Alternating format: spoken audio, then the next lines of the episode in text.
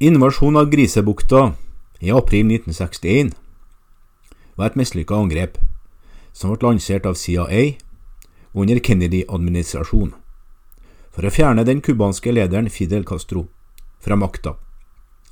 Invasjonen ble finansiert og planlagt av USAs regjering. 1.1.1959 førte en ung cubansk nasjonalist ved navn Fidel Castro geriljahæren sin inn i Havana og størta general Fulgencio Batista, Cubas amerikanskstøtta president. De neste to årene forsøkte tjenestemenn ved det amerikanske utenriksdepartementet og CIA å fjerne Castro. Til slutt, 17. april 1961, lanserte CIA det ledere mente ville være det endelige nådestøtet, en fullskala invasjon av Cuba med 1400 amerikansk trente cubanere, som hadde flykta fra hjemmene sine da Castro overtok. Invasjonen gikk imidlertid ikke bra. Inntrengerne var i mindretall i forhold til Castros tropper, og de overgav seg etter mindre enn 24 timers kamphandlinger. Mange cubanere ønska velkommen Fidel Castros overtakelse av makta fra diktatoren Fulgencio Batista i 1959. Men det nye styringssystemet på øya, omtrent 100 mil fra USA, gjorde amerikanske tjenestemenn nervøse. Batista hadde vært en korrupt og undertrykkende diktator, men han ble ansett for å være proamerikansk, og var en alliert for mange amerikanske selskaper. På denne tida eide amerikanske selskaper og velstående individer nesten halvparten av Cubas sukkerplantasjer, og flertallet av kvegransjene, gruvene og industrien. Batista gjorde lite for å begrense drifta. Han var også en pålitelig antikommunist. Castro avviste derimot den tilnærminga amerikanerne tok for å sikre sin virksomhet og interesser på Cuba. Det var på tide, mente han, at cubanerne tok mer kontroll over nasjonen. Cuba si, Yankee no ble et av hans mest populære slagord. Så snart han kom til makta, tok Castro skritt for å redusere den amerikanske innflytelsen på øya.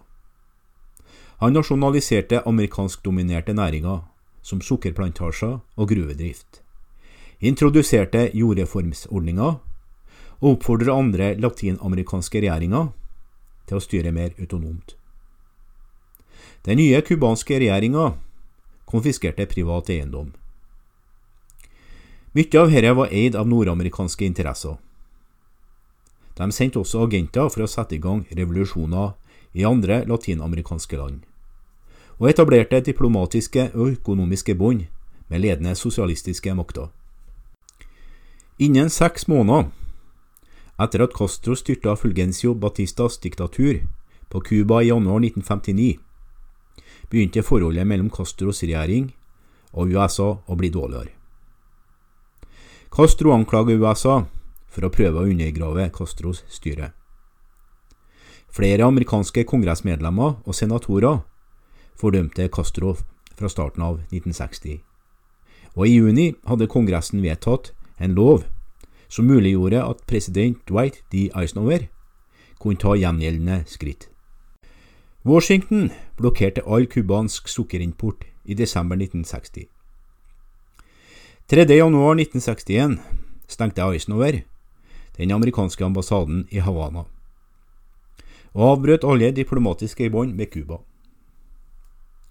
Som svar ga president Eisenhower tidlig i 1960 CIA ordre om å rekruttere 1400 cubanske flyktninger bosatt i Miami, og begynte å trene dem for å styrte Castro. I juli 1960 stansa Eisenhower 700 000 tonn sukker importert fra Cuba. Castro svarte med å nasjonalisere amerikanske sukkerraffinerier samt amerikanske telefon- og elektrisitetsselskaper. USA kutta sukkerinnkjøp fra Cuba, og snart satte de i gang en embargo på all eksport til Cuba, unntatt mat og medisin. I mai 1960 oppretta Castro diplomatiske forbindelser med Sovjetunionen, og USA svarte med å forby import av cubansk sukker. For å forhindre at den cubanske økonomien kollapsa, utgjorde sukkereksporten til USA 80% av landets totale eksport. Sovjetunionen gikk med på å kjøpe sukkeret. I januar 1961 avbrøt den amerikanske regjeringa alle diplomatiske forbindelser med Cuba, og økte forberedelsene til en invasjon. Noen personer i Utenriksdepartementet og andre rådgivere for den nye amerikanske presidenten, John F. Kennedy, hevda at Castro ikke utgjorde noen reell trussel mot Amerika. Men den nye presidenten mente at det å fjerne den cubanske lederen ville vise Russland, Kina og skeptiske amerikanere at han mente alvorlig om å vinne den kalde krigen. En invasjon av Cuba hadde blitt planlagt av USAs Central Intelligence Agency, CIA, siden mai 1960. Eisenhower forplikta seg til å bruke 13 millioner dollar på operasjonen. Operasjon Zapata ble som kjent godkjent av Eisenhower. En invasjon av Cuba hadde blitt planlagt av USAs Central Intelligence Agency, CIA, siden mai 1960. Eisenhower forplikta seg til å bruke 13 millioner dollar på operasjonen. Operasjon Zapata ble som kjent godkjent av Eisenhower. CIA klekka ut en plan for å styrte Castro ved å bruke en amfibisk invasjon av Cuba, bestående av cubanske landflyktige. Vitsen med å fortsette med innovasjonsplanene hadde vært diskutert i den nylig innsatte administrasjonen til president John F. Kennedy, før den endelig ble godkjent og gjennomført. Kennedy hadde arva Eisenhowers CIA-kampanje for å trene og utstyre en geriljahær av cubanske flyktninger. Men han var i tvil om hvor god planen var. Det siste han ønska, sa han, var direkte inngripen fra det amerikanske militæret på Cuba. Sovjeterne ville sannsynligvis se på dette som en krigshandling, og kunne gjengjelde angrepet. CIA-offiserer sa imidlertid at de kunne holde USAs engasjement i invasjon hemmelig, og hvis alt gikk etter planen, ville angrepet utløse et anti-Castro-opprør på øya. Den første delen av planen var å ødelegge Castros luftvåpen, noe som ville gjøre det umulig for hans hær å motstå invasjonen. 15.4.1961 bomba tre amerikanske produserte fly, som ble ført av cubanere, cubanske flyplasser. 15.4.1961 dro en gruppe cubanske flyktninger fra Nicaragua i en skvadron med amerikanske B-26 bombefly til Cuba.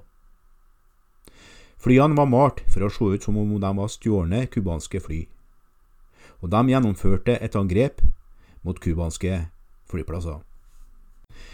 Det viste seg imidlertid at Castro og hans rådgivere visste om raidet, og hadde flytta flyene sine til et sikkert område.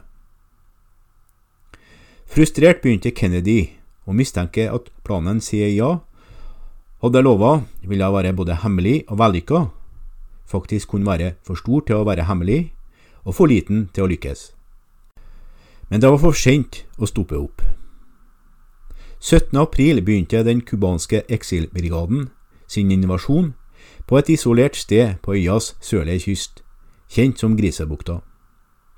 De gikk også i land på andre plasser på Cuba. Nesten umiddelbart ble invasjonen en katastrofe. CIA hadde ønska å holde det hemmelig så lenge som mulig. Men en radiosender på stranda sendte alle detaljene om operasjonen til lyttere over hele Cuba. Skjulte korallrev senka noen av skipene da de kom i land. Fallskjermjegere landa på feil sted.